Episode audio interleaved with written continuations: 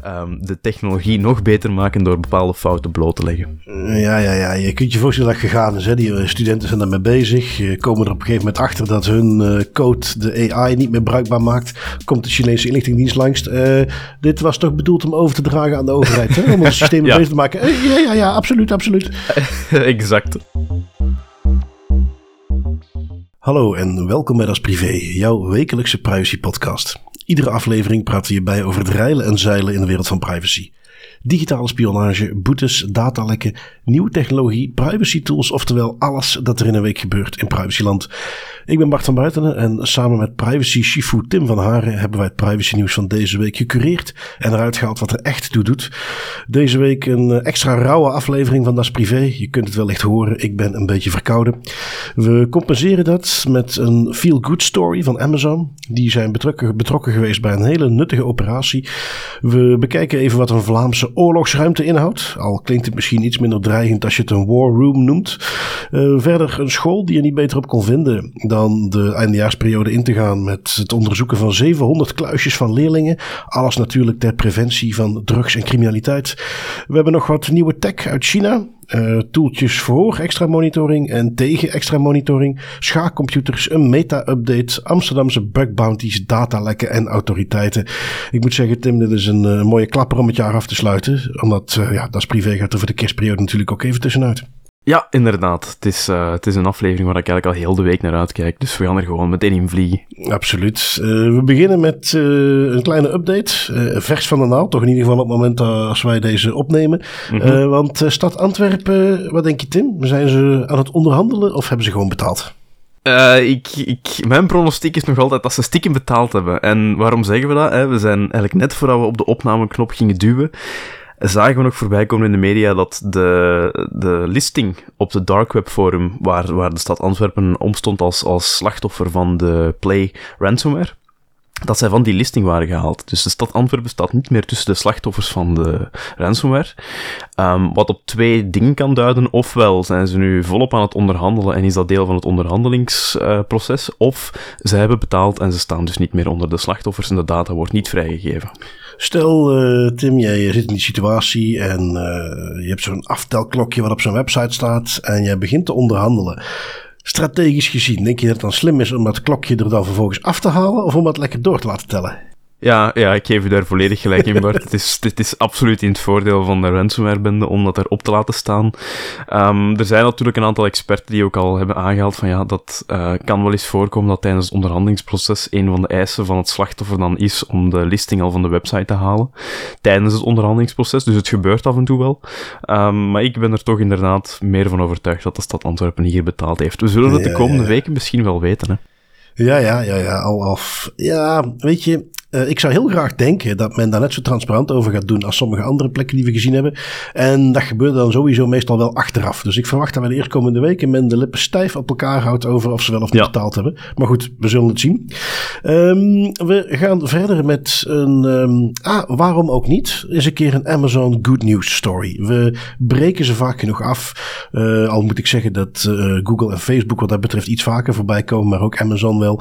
Maar nu zag ik een artikeltje in de LA Times. En ja, dat is, uh, ja, dat is goed nieuws. Dat is gewoon uh, een, een, leuk uh, kerstverhaaltje over hoe ze iets nuttigs gedaan hebben.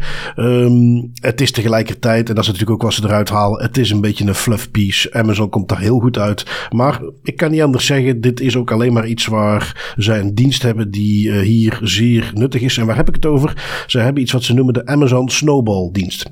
Een snowball is iets wat voornamelijk bedoeld is om uh, op een manier. Stel jij, jij wilt in de Amazon Cloud gaan zitten, maar jij hebt, ik noem maar wat, honderden gigabytes aan data. Ja, om die allemaal over de lijn te gaan uploaden, dat is een gigantisch werk. Dus Amazon heeft al, die, die kende ik, uh, al langer een dienst die ze dan Snowball noemen, waarin zij devices leveren die worden opgestuurd en het is dan sneller om die dingen te ontvangen, alle data erop te zetten, terug te sturen naar Amazon, die het dan over hun verbindingen rechtstreeks gaan uploaden, dan dat allemaal zelf over de kabel te gaan doen. Dat is een beetje het idee achter Snowball. Nu, met de oorlog in Oekraïne hadden ze ineens een use case die dat wel heel erg tastbaar maakte, wat daar het nut van kan zijn. Uh, want Amazon heeft dus hun snowballdiensten aangeboden aan de Oekraïnse overheid.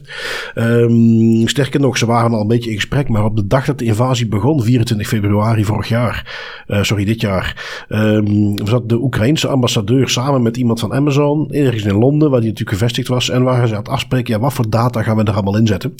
Um, het gaat in totaal ondertussen al om zo'n 10 petabyte, dus 10 miljoen gigabyte.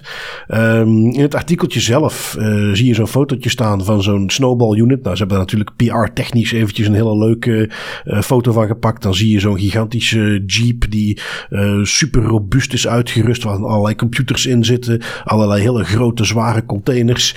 Um, iets sexier dan het eigenlijk bedoeld is voor die snowball cases, want uiteindelijk is dat gewoon, en dat is natuurlijk wel heel goed verpakt in containers en dergelijke, maar het is gewoon een uh, gigantisch sterk en beveiligde SSD solid state drive, waar die data opgezet kan worden. Dat kan dan geloof ik 80 terabyte op één zo'n drive. Um, dus je bent nog steeds wel even bezig als je het over 10 petabyte hebt. Um, hoe ze dat aangepakt hebben. Uh, want opnieuw, je ziet dan zo'n fotootje van die Jeep. Uh, extra hoog op zijn poten. Uh, gigantisch reservewiel op de achterkant. Ik heb hem in de show notes geplakt. Ziet er ontzettend stoer uit. Um, de realiteit is dat ze die dingen gewoon via Dublin hebben verstuurd. Via het vliegtuig zijn uitgeladen in Krakau in Polen. En daar hebben de Oekraïners zelf ervoor gezorgd dat die dingen mee het binnenland ingenomen konden worden. En dat er data opgezet werd. Um, nu goed, aan de ene kant denk je van ja, oké goed. Oekraïne gebruikt Amazon om hun data te backuppen. Ik snap het wel, maar zo wat. Maar er zit een hele specifieke reden achter om dat in deze context ook te willen doen. En dat vond ik nog interessanter aan dit verhaaltje. Um, omdat ze zeggen, ja, wij zien, als je kijkt naar, oorlog in het verleden, uh, al uit de tijden van Willem de Veroveraar, het is een klassieker om vervolgens data van het veroverde land te vernietigen. Uh, eigendomsregisters, uh, ondernemingsregisters. En vervolgens dat te gaan herverdelen onder de veroveraar. En zelfs al kom je in een situatie dat die veroveraar ooit weer moet vertrekken, het is bijna onmogelijk om dat weer te gaan herdistribueren aan al de mm -hmm. oorspronkelijke eigenaars. Um, dus het idee is dat zij op die manier dus altijd bijhouden van de belangrijkste registers en data, uh, dat zoiets hen nooit kan overkomen. Ja, want je ziet de veroverde provincies in Rusland, men ging daar de klassieke playbook al uitrollen, uh, fake referenda, uh, nieuwe mensen aanstellen, dingen gaan verdelen. Dus ja, dat is iets wat, wat Oekraïne ook, of wat Rusland ook in de Krim al heeft gedaan.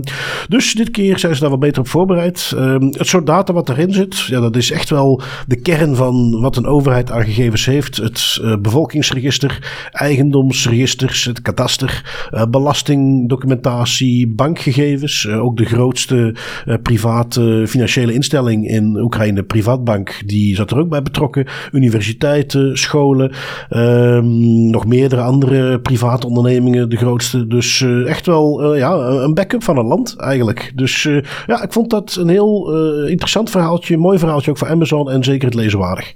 Ja, zeker heel cool. Hè? Dat je eigenlijk, om het, om het heel eventjes simplistisch voor te stellen, dat Amazon bij wijze van spreken een gigantische USB-stick naar u stuurt, waar je dan alles op kunt zetten en dan terugstuurt, zodat zij alles kunnen opladen. Dat is cool. En dat is ook iets... Um, Soms wordt dan nog eens aangehaald dat de capaciteiten van Amerikaanse cloud providers ver met kop en schouders boven Europese cloud providers bovenaan steken. Dit is nu eens echt een mooi voorbeeldje van zo'n, van zo'n casus, hè, waarin dan eigenlijk Amerikaanse cloud providers toch wel hele coole dingen kunnen doen met de kennis en de hardware die zij ter beschikking hebben. Dus een heel mooi voorbeeld, en inderdaad, ja, um, geeft ook nog maar eens mee dat ook als we het hebben over privacy, moeten we altijd, denk ik, genuanceerd blijven, ook naar die cloud providers toe. Ze doen ook heel veel goede dingen. Dat mogen we niet vergeten. Ja, en hier in deze context, uh, ik zie me al aankomen. Och, uh, Oekraïne valt niet onder de GDPR, maar uh, stel eventjes voor dat je hier zou aankomen met, ja, maar uh, Schrems 2, dit kan niet. ik denk dat dit wel een voorbeeldje is waar je dat toch eventjes gaat negeren. Um, en ja, inderdaad, we hebben hier een voorbeeld van een feature die dan zo'n Amerikaanse cloud provider heeft, die je inderdaad bij de Europese tegenpolen niet direct gaat vinden. Dus voilà, mooi voorbeeldje. Um, goed, een van de redenen trouwens waarom Amazon dit ook kan doen, geven ze zelf ook toe, is omdat zij op geen enkele manier uh, betrokken zijn bij uh, Russische organisaties of in Rusland zelf. En ze hebben in die zin ook niks te verliezen. Uh, dat is iets wat andere organisaties nog wel eens tegenhoudt om dit soort dingen te doen. Maar dus ja, een, een feel-good story van Amazon, zo net voor de kerst, altijd leuk. Um, iets minder feel-good en het sluit wat aan op het updateje dat we hadden rond Antwerpen. Um, ransomware. We hebben Antwerpen wat het Diest. Diest is ondertussen ook bekend dat het om een ransomware aanval gaat. Dus in Vlaanderen heeft men besloten we gaan daar eens een oorlogsruimte ruimte voor inrichten. Uh, je hebt hem meegenomen, Tim. Wat houdt dat in? Um, ja, dat is, dat, is, dat is altijd wel uh, een beetje graver om dat in het Nederlands te zeggen. Een oorlogsruimte. Maar dat is het, het idee van een war room is niks nieuw binnen cybersecurity. Het idee van een war room is dat je eigenlijk de mensen die je nodig hebt om een incident te behandelen en om alles te sturen, zodat er zo snel mogelijk aan recovery kan gedaan worden om die eigenlijk allemaal samen te brengen en dat een beetje te centraliseren, zodat die veel um, efficiënter en optimaler te werk kunnen gaan. Vlaamse overheid, die um, erkent dat nu ook, nadat er inderdaad een, een drie toch wel zware ransomware aanvallen zijn gebeurd in de laatste weken, maanden. Eentje bij de politiezone Zwijndrecht, dan stad Antwerpen en nu, zoals jij ook al aangaf, bij de gemeente Diest is het bekend dat er ransomware is geplaatst. Um, heeft men toch beseft van, ja, we kunnen het, het opvolgen en het incidentbeheer eigenlijk niet alleen overlaten aan de lokale ICT-dienstverleners. Er moet een centraler aanpak voor komen, er moet een single point of contact zijn waar dat mensen naartoe kunnen gaan met vragen of met, met uh, ja, als ze in nood zijn om, om hulp te kunnen gaan vragen. En dat is dus het idee dat nu naar boven komt vanuit de Vlaamse overheid om een, uh, wat zij noemen een interfederale war room op te richten. Die steden en gemeenten die het slachtoffer zijn geworden van cyberaanval eigenlijk moet bijstaan in hun, in hun detectie, in recovery en, en hun hele proces van incidentbeheer. Um, hoe dat ze dat zien is, ja, er moet een soort single point of contact zitten in elk lokaal bestuur die verantwoordelijk is voor communicatie met die war room.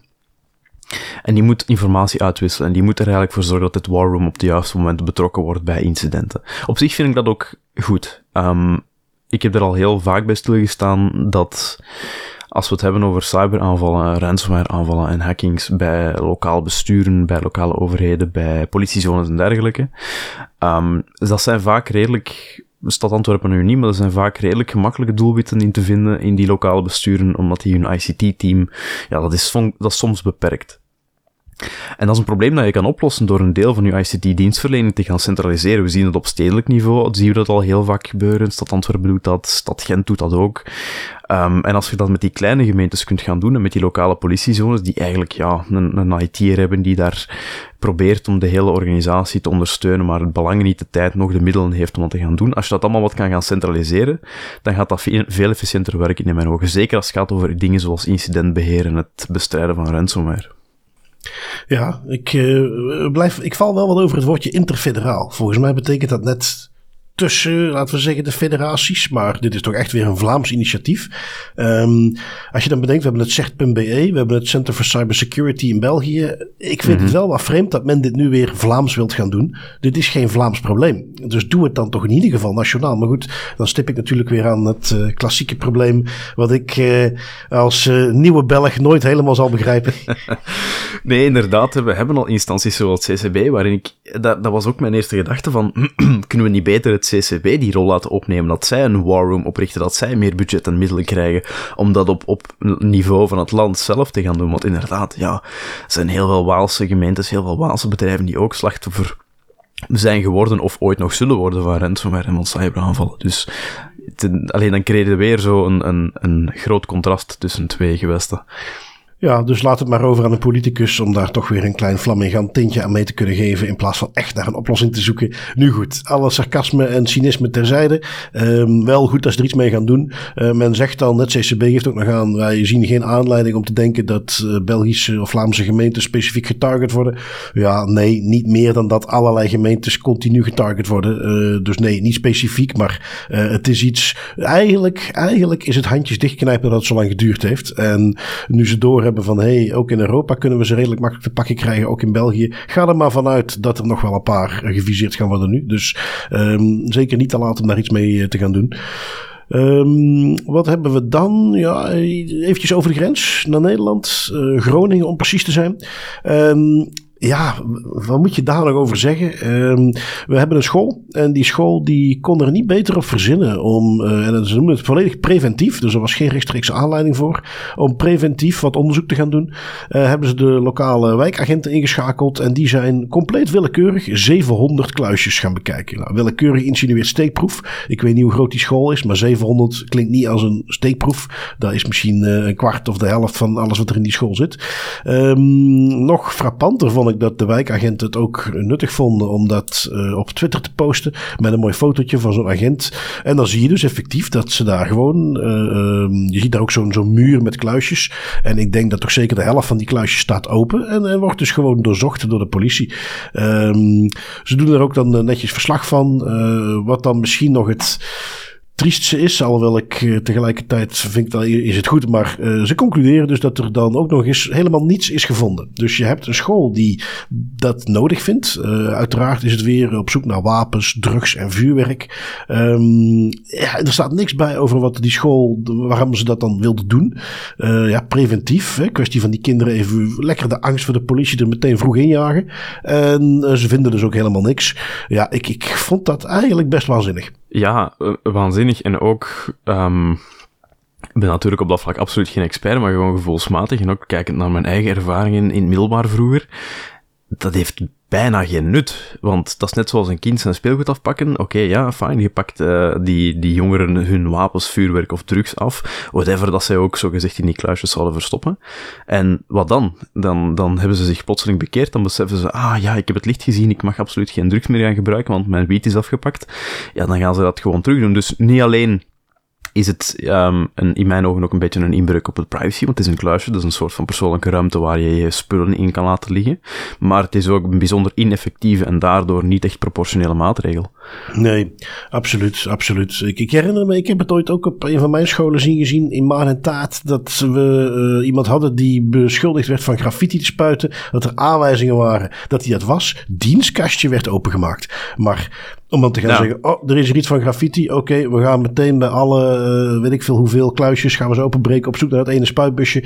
Um, ja, nee, nee, het, uh, dit, dit uh, klinkt helemaal verkeerd. Je geeft naar die leerling het hele verkeerde af. En ja, pak het even een stapje verder. Um, je hebt tegenwoordig ook genoeg werkplekken waar mensen kluisjes hebben. Stel je eens voor dat de werkgever zei, ja, gewoon ter preventie. Ik bedoel, hè, dus, dus de eindejaarsperiode, misschien dat de mensen wat drank meenemen. We gaan even alle kluisjes van alle medewerkers opengooien. Het kot zou te klein zijn. De vakbond zou in opstand mhm. komen, uh, advocaten erbij. Ik hoop trouwens dat dat hier ook gebeurt bij die school. Dat die een van die ouders, je hebt er altijd een paar tussen zitten, um, waar ik wel ik zelf ook bij zou horen, uh, dat die hier een punt van gaan maken. Want het is, ja, ik, ik kom er, en dan vooral nog hè, dat dan op Twitter als wijkagent breed tentoon gaan spreiden. Hè. Uh, duidelijk dat ze echt trots zijn op die actie, dat gaat er bij mij niet in. Ja, maar dat is ook het hele nut van die actie. Hè. Die actie is niet bedoeld om dingen te vinden. Die actie is bedoeld om af te schrikken. Dat is waar het over gaat. En dat op Twitter zetten is natuurlijk, dat is een manier om die boodschap te gaan verspreiden. Maar opnieuw, ja, de, de, zoals je al aangeeft, inderdaad, bij mij was dat vroeger ook zo. Er zijn ook een paar keer drugsproblemen geweest op mijn middelbare school. En wat was dan het resultaat? Ah, dan werd er gericht gekeken naar de personen waarvan goed genoeg wist dat die iets met drugs deden. En daar werd tegen gehandhaafd. En niet per se tegen heel de school. En dat is, een veel proportioneler aanpak. Het is ook dat, hè. Alsof je niet, alsof niet iedereen in de klas wist wie het meest waarschijnlijk was dat er zoiets in zijn kastje zou zitten. iedereen wist dat, dus dat is ook gewoon een kwestie van, ja, allee, iedereen, iedereen zijn kastjes worden nu doorzocht en ze weten goed genoeg wie dat ze zijn. Ja. Dat is, ja. Nee, nee, nee. Absoluut uh, niet oké. Okay. Dus ik ben benieuwd wat voor staatje dat gaat krijgen. Um, gaan we door met uh, ja, het uh, de betere Chinese nieuws. Um, we hebben de eerste die ik heb meegenomen heeft te maken met uh, Oppo. Oppo, bij ons vooral bekend van de telefoons, maar uiteraard in, in China zelf doen die van alles aan elektronica. Hebben een nieuw toeltje. Um, misschien daar gewoon eventjes de, de basic vraag, Tim. Dit toeltje houdt dingen bij zoals zuurstofsaturatie, hartslag, lichaamstemperatuur. Kan zelfs een elektrocardiogram maken heeft een stethoscoopfunctie in zich en slaaptracking. Is dat iets wat jij in de huidige context zou toevertrouwen aan een Chinese app? Uh, nee. Nee, dus, het, antwoord is, sorry, het antwoord is kort, maar je vraagt het natuurlijk wel aan mij ook, dus dan, ga je dat, dan weet je wat je krijgt. Ja, ja, inderdaad. Tegelijkertijd er zijn wel echt genoeg. Uh, ik, als ik bijvoorbeeld uh, pak tweakers.net, uh, tweakers, grote fan van, podcast luister ik vaak. Die zijn nog steeds altijd heel erg enthousiast als het gaat om allerlei Oppo, Chinese telefoons met heel veel oh, toeters en bellen. Ja, ja, ja, daar ehm, het, algemene idee van je moet gewoon uit de buurt blijven van Chinese spullen, zit daar toch zeker niet uh, er helemaal in. Uh, vooral niet als het de tweaker aanspreekt, omdat het voor weinig geld veel hardware in zich heeft. Uh, maar goed, ja, dat is ook natuurlijk meer hun, hun ding. Um, ja, ik zou er ook niet meteen aan beginnen. en het is een gevoel wat trouwens veel heeft. Ik was toevallig net deze week bij een garage van mijn auto. weer eens naar de keuring geweest. Daar kwam dan een rood lijstje uit. Dus garage gevonden die dat wilt gaan fixen voor mij. En ik hoorde die aan de telefoon zeggen toen hij belde om te kijken of onderdelen beschikbaar waren. Dat hij zei van ja, trouwens geen, geen Chinees spullen. Dus heel duidelijk dat dat ook in de auto-industrie leeft. Um, dus nou goed, ze hebben dus een, een zo'n nieuw ding aangekondigd. Het is de O-Health H1. Een heel slick toestelletje. Ziet er heel gelikt uit. En dat is een gezondheidsmonitor voor het hele gezin, kondigen ze maar aan. En daar zitten dus die functies in die ik net aangaf. Um, nou ja, goed It's Been Done. er zijn er wel meer die dat doen. Uh, een andere die ze aankondigden, en die vond ik wel, wel leuk. Um, omdat er gewoon ja, mooi uitzag, um, is de Airglass 2. Nou, je hoort aan de naam al wat het moet zijn. Het is weer de zoveelste iteratie van een slimme bril. Um, maar dit is er eentje met uh, uiteraard microfoon, speakers ingebouwd. Micro-LED-projectoren, die dus op het scherm van de, de, de brillenglazen dingen projecteren. De, ja, hoe zal ik het noemen, Chinese PR-verantwoordelijke die het aan het aankondigen was, die gebruikte het bijvoorbeeld als teleprompter. De tekst die hij moest voorzeggen, die kwam eh, op het scherm te staan.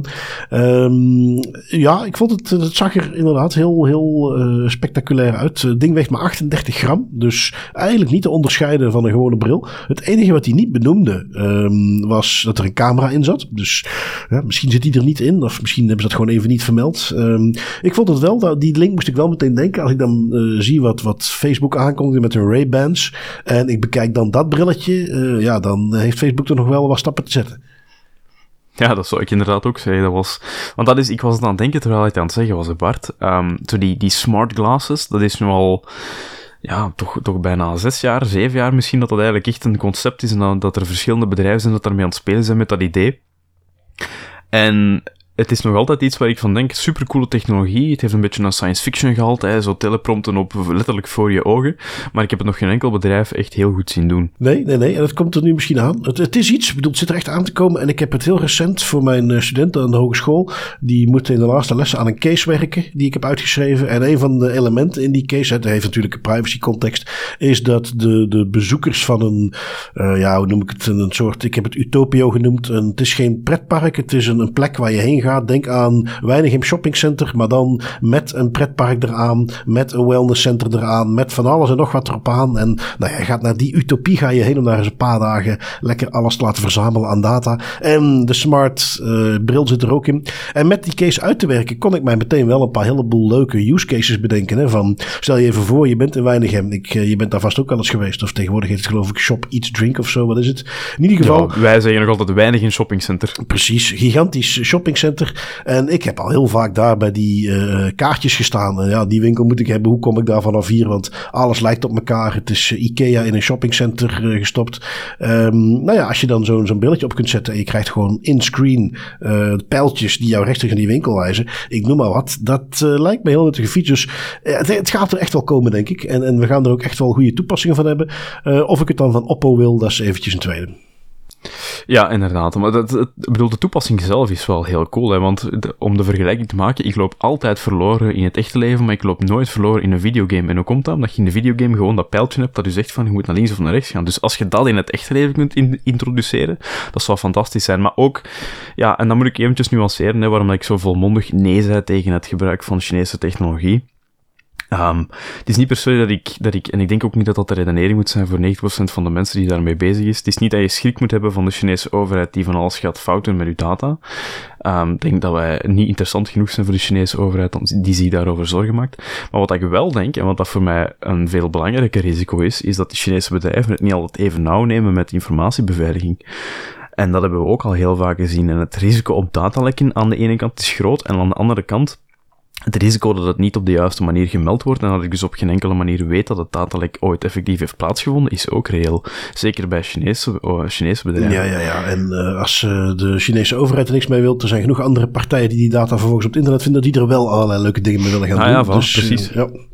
Nee, absoluut. Um, nu, als je natuurlijk in die context van China zit, um, je ziet er, er komt ook nog wel wat aan innovatie uit, maar je wordt nu helemaal meer in de gaten gehouden. En het is dus niet verbazend dat dat stukje innovatie zich ook wat uitbreidt naar anti-surveillance maatregelen. En een, ja, ik zag iets voorbij komen. Jij hebt hem meegenomen ook als itempje van een Chinese universiteit. Die wel iets heel cools hebben ontwikkeld in de anti-surveillance context. wat voor een onzichtbaarheidsmantel is dit? Ja, ja, Het, is, het is een Invisi Defense Code, is, uh, zoals ze het zelf genoemd genoemd hebben. En dat zijn eigenlijk vier um, studenten van de Chinese universiteit in Wuhan, die mee hebben gedaan aan um, de Huawei Cup. En dat is een, dat is een jaarlijks uh, cybersecurity uh, innovatiewedstrijd, waaraan dan studenten van verschillende universiteiten van, vanuit China meedoen georganiseerd door Huawei. Um, om te gaan kijken van ja, wat, wat zijn nu coole of interessante innovaties waar Huawei potentieel gebruik van zou kunnen maken, of de Chinese overheid. En um, een van de innovaties, een van de winnaars, was de Invisi Defense Code. En de Invisi Defense Code is eigenlijk een, um, een soort patroon of een, of een reeks van patronen die is ontwikkeld om artificiële intelligentie en image en facial recognition, om die te scramblen, om ervoor te zorgen dat um, als jij met een t-shirt aanloopt met dat patroon bijvoorbeeld, dat dan facial recognition niet meer herkent dat jij een persoon bent, omdat dat ding um, de artificiële intelligentie in de war brengt. Dat is eigenlijk wat de onderzoekers daar hebben, daar hebben ontwikkeld. en hoe ziet het eruit? We hebben de foto ook meegenomen in de show notes.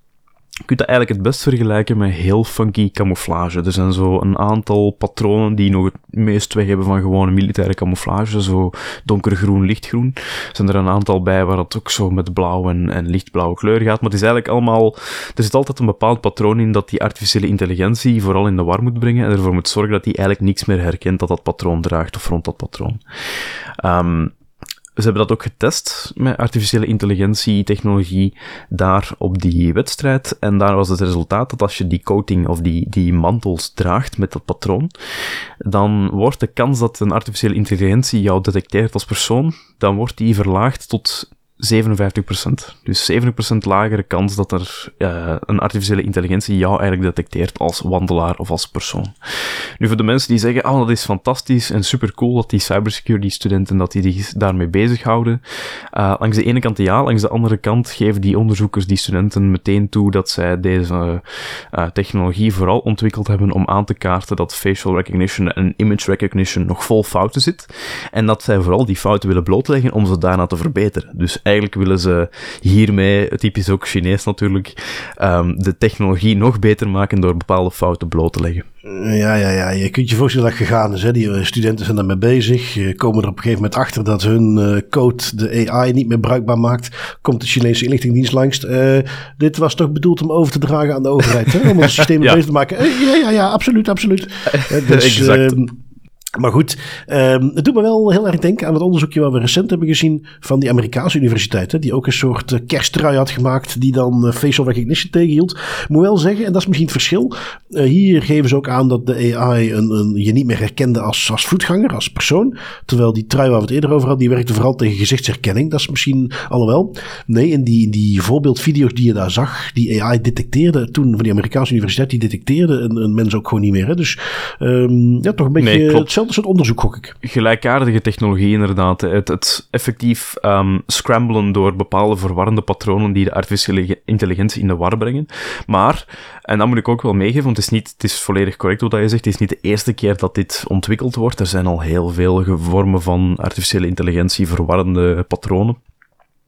Maar die zijn altijd gatlelijk. En deze patronen, die zijn nog altijd natuurlijk niet ook maar zeggen. Die, zijn niet, die zijn niet fantastisch mooi, maar daar zou je nog iets mee kunnen doen. Vooral die camouflagepatronen. Daar ben ik aan aan het denken. De militaire toepassingen bijvoorbeeld, van drone-detectie of zo. Ja, ja, oké, oké, vooruit, vooruit. Want het ziet er, eh, om toch een beetje mee te geven waar je dat kunt doen. Dan denk aan camouflage, denk ook aan misschien een of andere hele funky luipaardprint. Daar komt het ook een beetje op neer. Ja, ja, een hele funky psychedelische luipaardprint, daar kan je het eigenlijk nog het best mee vergelijken. En er zijn waarschijnlijk sommige mensen dat dat fantastisch mooi aan vinden. Maar bijvoorbeeld, ja, er zijn mensen die nu op straat ook al rondlopen met een camouflagejas of een camouflagebroek. Ja, ja, dat en je wordt niet meer herkend. Ja, en dat, is een pak minder opvallend dan zo van die felroze met zwarte blokken gestippelde uh, t-shirts. Dus ja, nou ja, als ik mijn uh, inner hipster er eindelijk eens uit wil laten, dan kan ik daar weer rond gaan lopen. um, over uh, tracking technologie. Um, ik, uh, ja, je weet natuurlijk, cookies, dat begint een beetje te verdwijnen. Um, daar is nu zoveel wetgeving tegen die dat beperkt tot alleen maar hetgene waar ze echt nuttig voor zijn, niet meer voor tracking. Dus je ziet dat dat uitgefaseerd wordt en overal is Big Tech aan het zoeken naar alternatieven. En dan ben ik als het extra aan het opletten als ik ergens een onderzoekje voorbij zie komen waar ze dan aangeven, ja, wij hebben een nieuwe vorm van tracking gevonden en uh, hier is onze paper. Nou, dit is zo'n voorbeeldje daarvan. Uh, weer een universiteit uh, die daarmee uitpakte. Dus ik dacht meteen, ah, ik spring erop. Leuk voor de podcast, tracking. Um, toen ik het vervolgens las, en, en daarom dat ik hem nu gewoon eens meeneem. Niet iedere keer als het een of ander revolutionair tracking ding is, maar ook als je eens een keer zoiets leest en denkt van, oh ja, uh, bin there, done that. Dit is niet echt revolutionair. Um, toch nuttig om even mee te nemen. Waar gaat deze over? Zij, en ja, ik heb, ik heb de paper doorgelezen en ik, ik kom niet verder dan dat het gewoon is dat er een unieke ID in een URL zit. Ergens in de URL, de, het adres van de website die je bezoekt of de pagina die je bezoekt. Ergens zit een unieke ID in verstopt. En dat is het. Dat is de tracking. Um, dus ja, oké, inderdaad. Als jij dan van de ene website naar de andere website gaat en ze verwerken die unieke ID in de URL. Ja, dan kunnen die websites ook op die manier gaan tracken dat je ergens vandaan komt. Um, ja, ik, ik, ik kon er niks anders van maken. Ze hebben dan het enige wat misschien nieuw was, is dat ze een tooltje hebben gemaakt die dat soort tracking ook gaat detecteren. Ze noemen dat de Crumb Cruncher. Um, en dan in hun onderzoek, ze lieten dan dus een botje die dan rond ging lopen en ging kijken op het internet hoe vaak wordt die techniek toegepast. En 8% van het webtraffic dat zij tegenkwamen gebruikte de techniek die zij dan uh, specifiek hadden geïdentificeerd. Um, ja, Heel schokkend vond ik het niet. Uh, toch al wel in, in, in bedoel, het, is uiteindelijk wat iedere nieuwsbrief die jij ontvangt, als daar linkjes in zitten, die hebben heel vaak ook weer een unieke URL. Als je daarop klikt, dat ze precies kunnen weten wie heeft die nieuwsbrief geopend, wie heeft er op die linkjes geklikt. Um, dus ja, niet erg spectaculair, maar misschien als algemene reminder dat er toch allerlei dingen bezig zijn. Uiteraard zou je kunnen zeggen dat marketing en andere bedrijven zouden denken van, oh ja, tracking met cookies, daar hebben we toch wel heel veel tegenkanting tegen gehad. Daar wordt nu zo wat afgeschaft. Uh, misschien moeten we eens, eens kijken of we niet tracking en, en, en het opvolgen van conversies van onze reclame tools kunnen bekijken zonder daarmee mensen te gaan volgen. Uh, maar natuurlijk gaat men dat niet doen. Dat is de moeilijke oplossing, de makkelijke oplossing. We verzoeken gewoon alternatief en nou, dit is dan een van de alternatieven. Nee, dat zou te logisch zijn, Bart. Eerst een probleem maken van cookies, omdat die inderdaad mensen te invasief gaan trekken en dan op een andere manier invasief gaan trekken. Dat is hoe dat je moet doen. Hè. Niet, niet gaan kijken naar het invasieve gedeelte, maar vooral naar hoe meer kunnen we nog gaan trekken. Ja, precies. Helaas. precies. Helaas. Nee, inderdaad. Um, dan, jij hebt nog iets meegenomen. Um, ik weet niet of het de meest voorkomende vorm van tracking gaat worden, maar ook hier hebben zij weer een nieuwe, unieke manier gevonden om mensen te identificeren. Ja, het is vooral daarom dat ik het wil meenemen. Ik denk dat de toepassingen relatief beperkt gaan zijn, maar als we het hebben over privacy, vind ik het af en toe tof om ook eens zo de, zware edge cases mee te nemen. En waar het hier over gaat, is eigenlijk um, onderzoekers die een artificiële intelligentie, die een bepaalde schaakcomputer hebben ge, geprogrammeerd, hebben gemaakt. En die schaakcomputer die is heel goed in één bepaald ding, namelijk het herkennen van iemands identiteit aan de hand van um, of het detecteren van iemands identiteit eerder, aan de hand van hoe dat die persoon schaak speelt. En dat doen ze met wat zij, um, dat is blijkbaar een wetenschappelijk veld, stylometrics of stylometrics. En dat moet eigenlijk een computer, als je die op een bepaalde manier uh, programmeert, dan, dan kan je een model creëren dat ervoor zorgt dat jij op een bepaald moment kan identificeren hoe um, iemand speelt. Dus de speelstijl in, in, in het schaakspel. En als je dat ding goed genoeg programmeert, dan kan je eigenlijk heel snel identificeren of iemand dezelfde speler is in een hele reeks van, van uh, schaakspellen. Want je hebt schaakcomputers, um, de, de redenering, de, de reden waarom ze daarmee begonnen zijn met dat onderzoek, is een, een soort frustratie in schaakcomputers zoals Deep Blue en AlphaZero. Die, die zijn al lang bekend als die, dat, het hebben van um, bovenmenselijke schaakcapaciteiten. Die zijn tien keer beter dan de beste schakers ter wereld. Maar het probleem is dat die een heel aparte en op sommige vlakken soms um, alien speelstijl hebben. Dat is een speelstijl die niet menselijk is, die, waar geen logica of geen patroon in zit. Het is altijd iets anders. Je ziet dat heel duidelijk dat dat een artificiële intelligentie is die speelt en niet dat dat een persoon is die speelt. Um, en men wil daar eigenlijk iets aan gaan doen door eerst en vooral te herkennen dat bepaalde personen een patroon hebben en dan dat patroon proberen over te dragen naar artificiële intelligentie. En ze hebben een systeem ontwikkeld en ze hebben op een bepaald moment gezien, ah, dat systeem kunnen we ook gaan gebruiken voor het detecteren van speelpatronen. Ze hebben dat uitgetest. Um, ze hebben het systeem 100 spel, dus opgenomen spellen gegeven van ongeveer 3000 bekende spelers. En ze hebben dan 100 games, spelen die opgenomen zijn, ermee tussen gestoken in die hele databank van spelen. De, en die nieuwe 100 spelen die werden dan door een mystery player werden die gespeeld. En om de taak voor de artificiële intelligentie nog moeilijker te maken, werden de eerste 15 zetten van elk spel gemaskeerd. Dus pas na zet 15 in het schaakspel kon de artificiële intelligentie pas beginnen met het herkennen van het patroon. Het interessante is dat daar um, een 86% hitrate uitkwam voor het identificeren van die mystery player in een dataset van 3000 bekende spelers. Dus die artificiële intelligentie was bijzonder goed in het herkennen van dezelfde speler in een databank van 3000 spelers, die elk 100 spellen hadden upgeload op in de databank. En dat is, ja, dat is een zeer, uh, zeer niche toepassing voor het herkennen van een bepaalde persoon, voor het identificeren. Maar ik vind het wel cool dat zelfs dat u identificeerbaar maakt. Hè? Het, het, de manier hoe jij een spel speelt, in dit geval schaak. Ja, ja, we hebben dus nu alle schaakwebsites die ook ineens een DPO moeten aanstellen, omdat ze op grote schaal persoonsgegevens aan het verwerken zijn. Um, ja, ik, waar, ik wel meteen aan denk, er is in, in de schaakwereld is er nu een grote controverse tussen uh, de wereldkampioen Carlsen en een uh, jonge uitdager Nieman. Die, uh, naar het schijnt, die laatste heeft vals gespeeld in een paar potjes. Carlsen wil niet meer tegen hem spelen. Die heeft in het verleden heeft hij op chess.com, hebben ze ook potjes van hem geanalyseerd. Heeft hij wel eens vals gespeeld? Aan de hand van deze technologie zou je vervolgens, want gegarandeerd dat hij ook anoniem heeft zitten spelen, zou je dus alle potjes kunnen gaan identificeren waarin die persoon heeft gespeeld. En kun je gaan kijken, um, bijvoorbeeld of je nog andere potjes vindt wat hij vals heeft gespeeld. Maar ook of je een verschil ziet tussen zijn gewone speelstijl die je kunt identificeren. En dan de speelstijl als hij vals speelt. Want dan is er een afwijking. Dus of je ineens ziet dat dezelfde persoon twee verschillende spelpatronen heeft. Dan kun je daar ook iets uit afleiden. Um, maar ja, inderdaad, je zegt het al, uh, redelijk uh, niche. Nu goed, ik denk uh, hetzelfde principe ga je gegarandeerd kunnen toepassen in de wereld van de programmeren. de manier hoe een persoon programmeert, heb je best kans dat dat ook wel persoonlijk te herleiden is.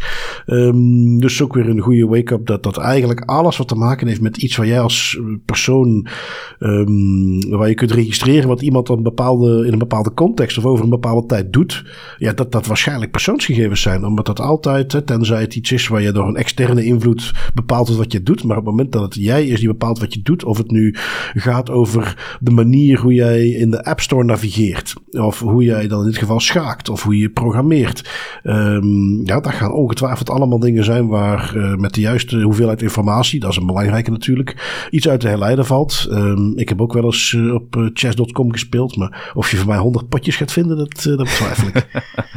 ja, dat is, dat is het. Hè. Dat is vooral de boodschap die hier ook, denk ik, heel interessant is. Het, schaken achterwege gelaten, maar de realisatie dat wij als mens um, bewust en ook heel vaak onbewust heel veel patronen creëren. En die patronen zijn vaak, ja, uh, kunnen gebruikt worden om iemand te identificeren, omdat ze zo uniek zijn. Ja, um, wat hebben we nog? Uh, iets meer Amerikaans, uh, mag natuurlijk niet ontbreken. Meta. Um, dit keer geen privacy bashing van Meta, maar iets wat ik nog wel interessant vond. Ze hebben hun uh, jaarlijkse Influence Operation rapport gepubliceerd. En dat is zoveel als dat zij vaststellen dat er vanuit een, bepaalde, bepaald land, vanuit een bepaalde groep online, um, ja, ze noemen dat dan uh, inauthentic behavior. Dus met andere woorden, dat je ziet, dit is niet iemand, een persoon die gewoon zijn eigen likes, zijn eigen dingen post. Dit is, hier zit een, uh, een groep achter, dat is gecoördineerd. En uh, men probeert daarmee bepaalde mensen te beïnvloeden. Um, dat is iets wat ze al sinds 2017 bijhouden, daar ook over rapporteren. Uh, de, de, de, officiële naam of de, de, de, policy waar het dan tegen ingaat als dat registreren is een Coordinated Inauthentic Behavior Policy. En daar houden ze ze allemaal bij. Ze publiceren daarover met wat statistiekjes. Dat ze dat tegenwoordig toch zien dat er vanuit 68 landen worden dat soort operaties uitgevoerd. 42 verschillende talen. Um, waar moet je aan denken? Dat kan gaan om uh, verkiezingen te beïnvloeden. Dat kan gaan om de wat meer klassieke marketing trucjes. Uh, dus alles wat te maken heeft met een, een grootschalige beïnvloedingsactie die mensen probeert uh, te beïnvloeden. Dus um, de Verenigde Staten was het grootste doelwit. Denk ik niet heel verrassend. dan de UK en de Oekraïne. Ehm, ja, of ja, ik moet eigenlijk zeggen Oekraïne, hè, niet de Oekraïne. nou, ook niet heel verrassend denk ik in de huidige context. Wat ik nog wel grappig vond, uh, landen van waaruit heel veel van die acties gelanceerd worden. Ook de usual suspects Iran en Rusland, maar ook Mexico. Mexico richtte zich nog meer dan andere specifiek op het binnenland. Um, zat het ook vooral in de context van verkiezingen. En daar vonden ze bijvoorbeeld uit hun analyses dat er een PR-bedrijf was die beide kandidaten aan het steunen was met hun activiteiten. Um, dus zij dan deze aan de ene kant beïnvloedingsoperaties om de steun voor de ene kandidaat te verzamelen en tegelijkertijd deze het ook voor de andere kandidaat. Hilarisch. Ja. Um, wat ze natuurlijk nooit erbij zeggen in dit soort rapportages is hoe effectief is dit. Um, dat halen ze er niet bij. Ergens denk ik dat stiekem Facebook dit ook wel leuk vindt in de zin van dat bevestigt hun eigen idee dat ze ertoe doen in deze wereld. Omdat dus allerlei organisaties van die acties willen uitvoeren om uh, meningen te beïnvloeden door op Facebook te zitten. Uh, en natuurlijk prima dat ze dat um, opvolgen en daar iets mee doen. Um, maar ja, dat, is iets waar ik dan wel eens benieuwd naar zijn. Oké, je ziet die activiteiten voorbij komen, maar wat is nu de echte impact? Ja, onmeetbaar denk ik. Maar toch uh, zou ik nieuwsgierig zijn. Ja, inderdaad. Maar het, het, het legt ook nog maar eens bloot dat het inderdaad zoveel en, en op, elke, op elk front gebeurt. Hè. Beïnvloedingscampagnes, het effectief gaan verspreiden van informatie om, het, om het, de emoties en de gedachten van een hele grote groep mensen te beïnvloeden. Die ook allemaal nog op Facebook zitten. En dat is daar gewoon een hele goede vector voor. Dus ja, tof dat ze dat doen, maar um, ik ga toch bij mijn mening blijven dat de wereld er veel mooier zou uitzien als Facebook niet bestond, want dan zouden die beïnvloedingscampagnes denk ik ook veel minder effectief zijn. Ja, als ze niet bestaan, dan zijn die inderdaad niet erg effectief. En in uh, Europa in ieder geval moeten ze misschien hun business maar sluiten zoals ze hebben aangekondigd. En zoals ze ook in de vorige podcast al meegaven. Go for it, doe maar.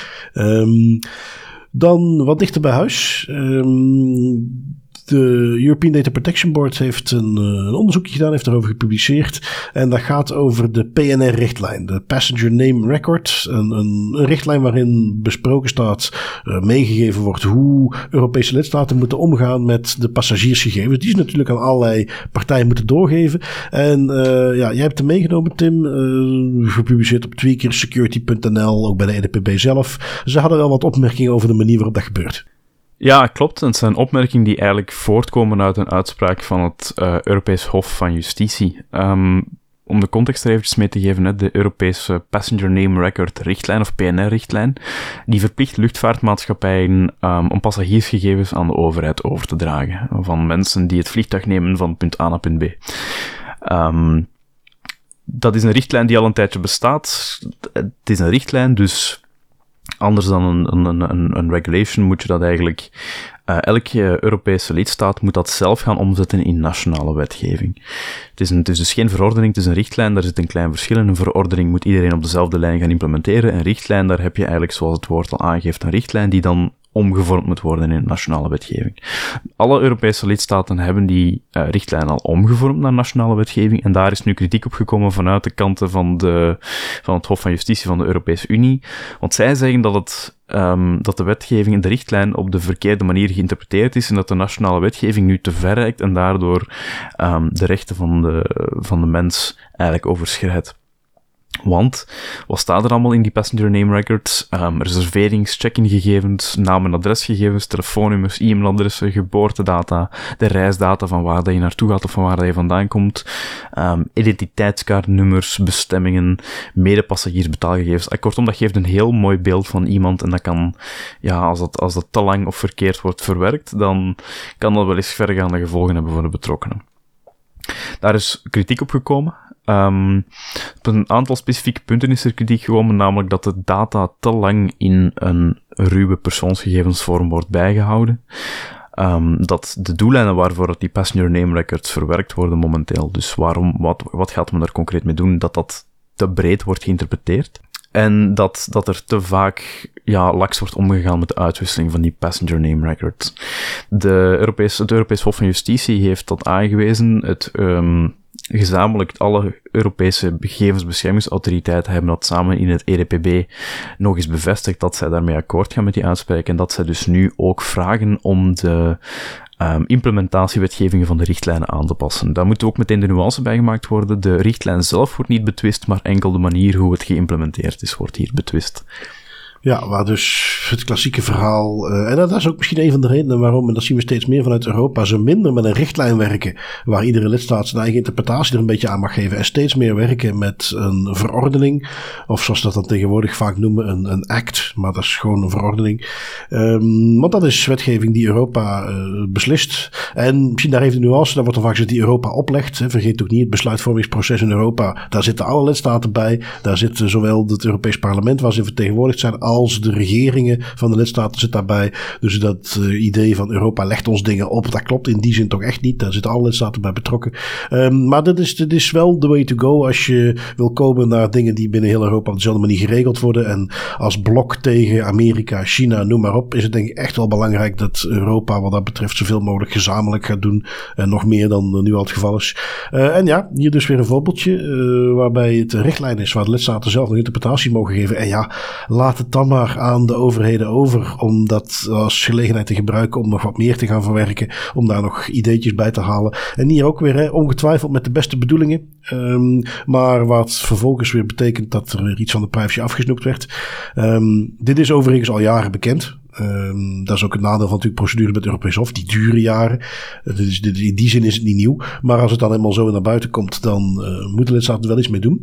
Um, is dat iets waar uh, de EDPB zich trouwens van over uitsprak? Wat ze nu concreet verwachten? Of, of pakken ze daar een termijn op waarbinnen dit soort dingen aangepakt moeten zijn? Um, dat heb ik niet gezien. Ik heb niet specifiek gezien dat de EDPB daar een termijn heeft opgepakt. Misschien heb ik daar ook gewoon over gelezen.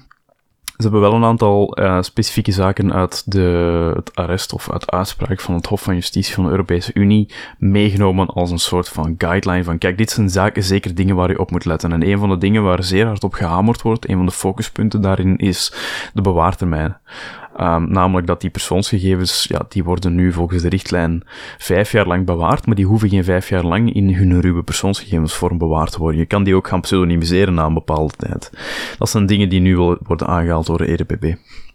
Ja, maar criminelen, terroristen, uh, pedo's. Ja. Uh, Ja, de, de Holy Trinity helaas is hier ook wel als argument gebruikt, maar het, het, dat is het mooie aan een uitspraak van het Europees Hof van, het Europees Hof van Justitie, of het Hof van Justitie van de Europese Unie moet ik eerlijk zeggen. Ja, eens dat die zeggen dat het, dat het op een bepaalde manier moet, ja, dan zal het ook zo geschieden, hè? Ja, ja, ja absoluut. Um, wat hebben we nog? Um, ja, misschien geïnspireerd door wat Antwerpen overkomt. De gemeente Amsterdam. Um, trouwens door ons getipt door een van onze favoriete deelnemers ook op de Das Privé Community, Dragon BE. Ik vind het altijd leuker om dat met de nickname te doen. uh, die, die hebben dus het licht gezien en die hebben nu, ja, ik wou zeggen bug bounty, maar dat is het niet. Hè. Ze hebben niet op een bestaand uh, platform waar hackers dan los kunnen gaan en, en ook een bounty kunnen claimen ze hebben zich daar niet op aangemeld. Ze hebben gewoon zelf iets opgezet. Waarbij ze vanuit de gemeente een, een, een beleid hebben eh, gemaakt. Waarbij ze zeggen: ethische hackers kunnen bij ons die en die dingen gaan testen. Die kunnen hier uh, dingen gaan melden. En uh, ja, de, de omschakeling is vooral dat ze dat dus nu formeel erkennen en daar ook een kader rond scheppen waar je dat kunt doen. Waar je dat tot nu toe natuurlijk als ethisch hacker altijd wel kon doen, maar het altijd even afwachten was. Wat wordt dan de reactie? En nu uh, is het een beetje een wat formele kader hoe ze daarmee om zullen gaan. En dat je dus ook in feite gewoon weet, als ik met zoiets kom, word ik niet uh, juridisch uh, afgeslacht. Maar ga ik gewoon een stukje erkenning krijgen en is er nu ook een formeel proces om het af te gaan handelen altijd mooi als men een beetje met responsible disclosure gaat spelen. Hè? Want dat is toch voor een stukje uw, um, toch de, de, de beveiliging van, uw, van uw perimeters gaan, gaan outsourcen naar de hackers community. Want ja, dat, is altijd, wat ik altijd een goed idee vind. Zeker als je dat zo netjes omkadert. Ik vind het wel grappig. Um, als je gaat kijken naar hoe dat ze het hebben opgezet, is dit niet iets dat ze op een week hebben opgezet. Maar de timing is toch altijd wel zeer toevallig. Hè? Net als dat in het nieuws komt dat de stad Antwerpen letterlijk plat ligt omdat ze slachtoffer zijn geworden van een ransomware-aanval, zijn er andere steden, zoals Amsterdam, die dan naar buiten komen met een Responsible Disclosure Program. Ja, ja van kom het gerust even bij ons testen voordat we zelf ook geransomd worden. Inderdaad. Nee, inderdaad. Um, wat houden we dan over? Een paar datalekjes die wij voorbij zagen komen. Je hebt de eerste meegenomen, Tim. Uh, Uber heeft nog eens een datalekje. Ja, ja, het is, het is niet Uber zelf deze keer, maar het is, het is een dienst waar dat Uber gebruik van maakt. Tectivity. Um, Tectivity is een van hun third-party providers die een dienst levert. Ik weet eigenlijk niet zo goed wat dat die doen. Dat heb ik niet kunnen vinden. Maar die hebben dus data van Uber waar ze gebruik van maken. Um, waaronder de, en dat het lijkt meer commerciële, allee, professionele data te zijn. Dus data van medewerkers in plaats van data van klanten. Desalniettemin, dat is nu al de derde keer, denk ik, dat Uber het slachtoffer is geworden van een datalekje dit jaar. Of tweede keer. Ik weet het niet zo goed niet meer alleszins, het is niet de eerste keer en het zal waarschijnlijk ook niet de laatste keer zijn. Wat ik wel moet zeggen, en dat vind ik hier wel netjes in, um, het is een is oorspronkelijk werd erover gerapporteerd in een artikel van Bleeping Computers. En ik moet toegeven dat als ik dat artikel aan het lezen was, Uber is uh, heel transparant geweest hierover. Ook voordat ze wisten dat het eigenlijk om een datalek ging bij hun third-party providers, zijn ze heel netjes geweest in hun communicatie en hebben ze eigenlijk van in het begin duidelijk gemaakt wat de, de situatie was aan Bleeping Computers. En dat vind ik wel mooi. Ja, die hebben dat door schade en schande denk ik wel geleerd ondertussen. Ik denk het ook. Um, wat nog wel interessant is, want Tectivity, um, wat bieden die aan? IT Asset Management Software. En de naam SolarWinds zegt jou misschien nog wel iets. Um, ja, absoluut. Dus uh, ja, de, de klassieker in IT security land, wat ze dan zo mooi een supply chain aanval noemen. Oftewel, uh, niet een bedrijf zelf wordt aangepakt of wordt gehackt, maar een van hun leveranciers. En op die manier krijgen ze toegang. Wel, uh, als je Tectivity gebruikt, dat is een software die je gebruikt om alle computers en, en, toestellen die in jouw netwerk zitten, om die in kaart te houden, om die te updaten. Um, kan dus potentieel heel erg gevoelig zijn. Want als jij gebruikt maakt van zo'n bedrijf die dan de, de tool daarvoor biedt en die wordt gehackt, ja, dan kan dat betekenen dat ze op die manier ook toegang kunnen krijgen tot je hele netwerk. Dus misschien ook iets wat ze geïnspireerd heeft om hier extra transparant over te zijn, want dit is typisch het soort hack waar de fallout uh, van oké, wat hebben ze gedaan met de toegang tot dat bedrijf, pas de komende maanden langzaam naar buiten komt. Um, ja, we zullen zien. In ieder geval. To be continued dus. Uh, wellicht, wellicht, wellicht, inderdaad. Um, wat hebben we dan nog? Uh, als we het hebben over niche, hè, we hadden het al over schaken. Wel, dit is er ook eentje, de Tafeltennisbond. Maar wel, de Wereldtafeltennisbond heeft ook een datalekje. Um, weer in de categorie van, oh jee, is dat iets wat we echt nog tegenkomen deze dagen? Een uh, cloud-opslag die publiek beschikbaar was. En waar de uh, kopie van paspoorten, vaccinatiebewijzen van de beste spelers ter wereld opgeslagen lagen. Onder andere van de wereldkampioen kun je zijn paspoort vinden. De Olympisch kampioen, uh, allebei Chinees, die hebben hun vaccinatiebewijzen ook uh, online. Um, ja, dus allemaal dingen die redelijk makkelijk gevonden konden worden. RTL Nieuws, uh, bekend van Daniel Verlaan, die vaak met dit soort dingen komt, heeft het dan teruggevonden. Uh, zijn ook op de hoogte gebracht. Ze hebben dat uiteraard nu dichtgezet. Maar dat betekent dus als jij in die lijst met een paar honderd van de werelds grootste spelers zit, ja, dat toch wel zo'n beetje al jouw data op straat ligt. echt gewoon, niet, niet alleen de data op zich, maar echt een kopie van je paspoort. dat, daar valt toch veel leuks mee te doen, denk ik, als je dat soort data misbruikt. Ja, dat is, dat is inderdaad jammer dat we dat moeten zeggen, maar dat is echt een klassiek geval. Hè. En wat hier ook erg aan is, want dat is ook iets dat we soms wel eens durven vergeten als het gaat over datalek, is, het is niet dat dat een week heeft opengestaan. Hè. Het is, ik lees hier in het artikel ook, drie jaar lang dat dat eigenlijk inzichtelijk was voor iedereen. Ja, dat, dat is bijna onbegrijpelijk dat drie jaar lang die paspoorten, die vaccinatiebewijzen, dat die gewoon open en bloot lagen voor iedereen die wist hoe dat ze eraan moesten komen. Ja, en, en vooral dat, dat die ding van een cloud-opslag die niet beveiligd is. Waar, dus dat betekent, er zit geen wachtwoord op. Als jij het IP-adres of de URL weet, dan kun je er gewoon rechtstreeks aan.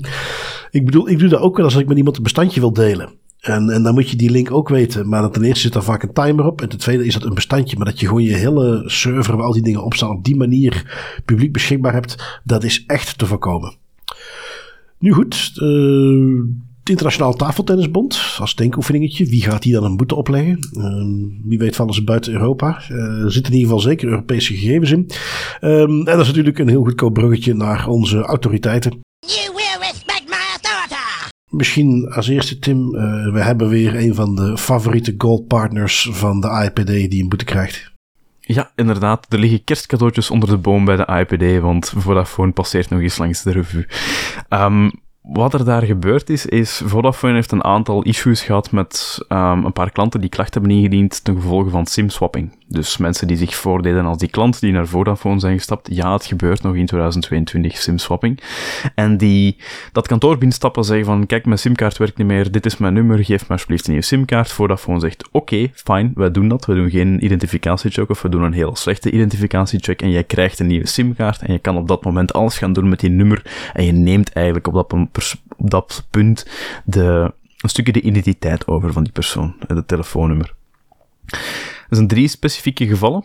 En de IPD heeft gewoon gezegd van ja, kijk jongens, we maken er een bundeltje van.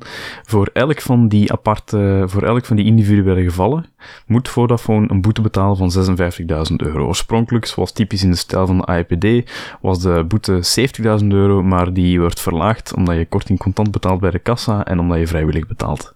56.000 euro maal 3, de Gold Partner status is verzekerd. Ja, absoluut. Um, ja, ik, ik ben heel benieuwd. Ik zat me even te bedenken, maar het is, uh, ik, ik heb dan zo'n website gevonden uh, in Spanje en ik ga eens kijken of ik ze daarop terug kan vinden wat de jaarcijfers zijn van de IPD. um, om eens te zien of we daar ergens een apart postje ja. hebben voor de boetes. Want in hun geval is dat opbrengsten, hè? Of, of toch minstens deels. Dus, uh... dat is een, ja, dat is een deel van hun opbrengst. Ik ben ook wel eens heel benieuwd. Ik heb hem dan lang afgevraagd en ik heb dat nooit gevonden. Want ik zou dat heel graag willen gebruiken ook in, in uh, informatiesessies ja, hoe groot is het budget van de AIPD nu in vergelijking met andere gegevensbeschermingsautoriteiten? Hè? Want als je kijkt naar het aantal boetes dat die uitgeven, dat, dat, dat is hallucinant. Ja, ja, en hoe groot is hun gebouw en uh, hoeveel medewerkers ja, en, en hoeveel marmeren zuilen en gouden bureaustoelen. ja, absoluut. Ja. ja. Um, een wat obscuurdere autoriteit um, die ik meeneem is uit Portugal. Um, die zijn teruggekomen op een zaak die ze in 2021 alles uh, hadden behandeld. In die zin dat ze toen een uh, tijdelijk uh, het, verbod oplegden op het transfer. Um, daar ken ik ze van. Dat was het um, Portugese censusbureau, het statistisch bureau. Die, ja, die doen hun, telling en verzamelen bevolkingsgegevens. Daar hadden ze een website voor opgezet.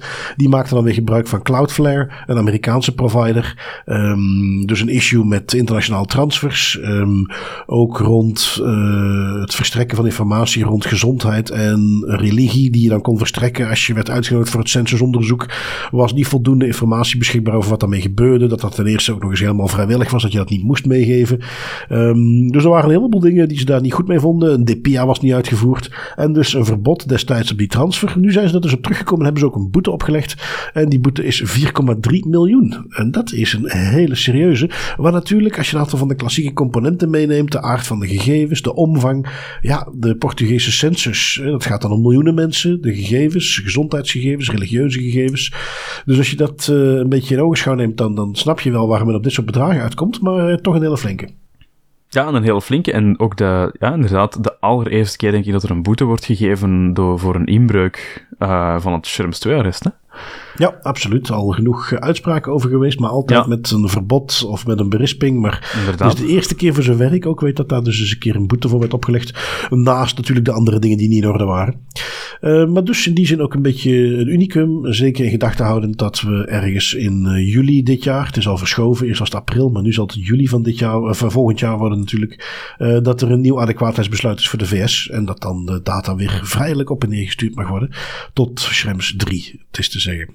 Um, privacy pointers. Um, ik heb er eigenlijk stiekem twee meegenomen. Uh, omdat de eerste is een beetje goedkoop, maar ik wil hem niet laten liggen. Ja, de vorige keer had jij de AIVD-puzzel meegenomen, de kerstpuzzel. En wat blijkt, ook de Belgische militaire inlichtingendienst heeft zo'n puzzel. En goed, dat linkje hebben we dan in de show notes gezet. Is iets wat dus eigen medewerkers in hun vrije tijd hebben gemaakt.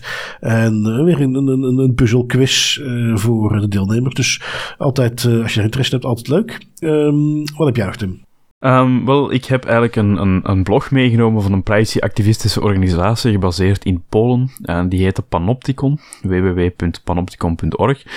En um, ik heb die vooral meegenomen als leesvoer voor de kerstvakantie. Want wat zij heel goed doen in mijn ogen is... Um, relevante issues, um, hot topics en ook bepaalde concepten rond surveillance op een heldere manier uitleggen. Het is natuurlijk alleen beschikbaar in het Engels of in het Pools, maar de manier hoe ze het eigenlijk verwoorden, um, vind ik heel mooi. Het is een, het een, een, organisatie die vooral um, is opgebouwd uit, uit Poolse advocaten die zich hiermee bezighouden. En ja, ik vind dat hun schrijfstijl heel leuk. Oké, interessant. Uh, dan dus de tweede die ik meegenomen had. Uh, en dan uh, twee misschien wat mindere privacy pointers maken één goede. Um, is een guide die het zegt heeft gepubliceerd. En natuurlijk gelet op Antwerpen Diest toch niet slecht om die even onder de aandacht te brengen. Ik had hem nog niet eerder gezien. En dat is gewoon een soort handleiding. Wat moet ik doen als ik slachtoffer ben van een ransomware aanval? Beschikbaar in zowel het Nederlands als het Frans uiteraard. En ja, in de huidige context vond ik dat wel nuttig om die even mee te geven. Dus echt zo'n stappenplannetje. Denk echt op niveau van een organisatie niet, niet persoonlijk. Wat moet ik nu doen? Uh, dat gaat om uh, bijvoorbeeld het opzetten van communicatiekanalen. Uh, een alternatief zoeken voor de communicatiekanalen die waarschijnlijk zijn overgenomen door de aanvallers. wel of niet inschakelen van een onderhandelaar. Dat soort dingen. Dus echt heel recht toe recht aan stappenplan voor als je slachtoffer bent van een ransomware aanval. Lijkt me nog wel interessant. Um, ja, Tim, dat uh, is dan de laatste Das Privé aflevering voor 2022. Uh, zijn we toch stiekem al twee jaar bezig. Die, dat jubileum hebben we niks mee gedaan, maar de honderdste aflevering, daar moeten we toch eens over na gaan denken wat we daarmee willen gaan doen, vind ik. Ja, ja dat, dat is toch wel iets spannends dat we nu aan het bekokstoven zijn, denk ik. Er zijn wel wat ideeën die in de pipeline zitten, dus daar komt zeker en vast iets cools uit. En uh, ja, tot zover. Uh, dat was het dan voor deze week. Wij horen en spreken iedereen weer uh, in 2023. Geniet van de kerst en het einde jaar. En tot dan. Inderdaad. Tot volgend jaar. Tot volgend jaar.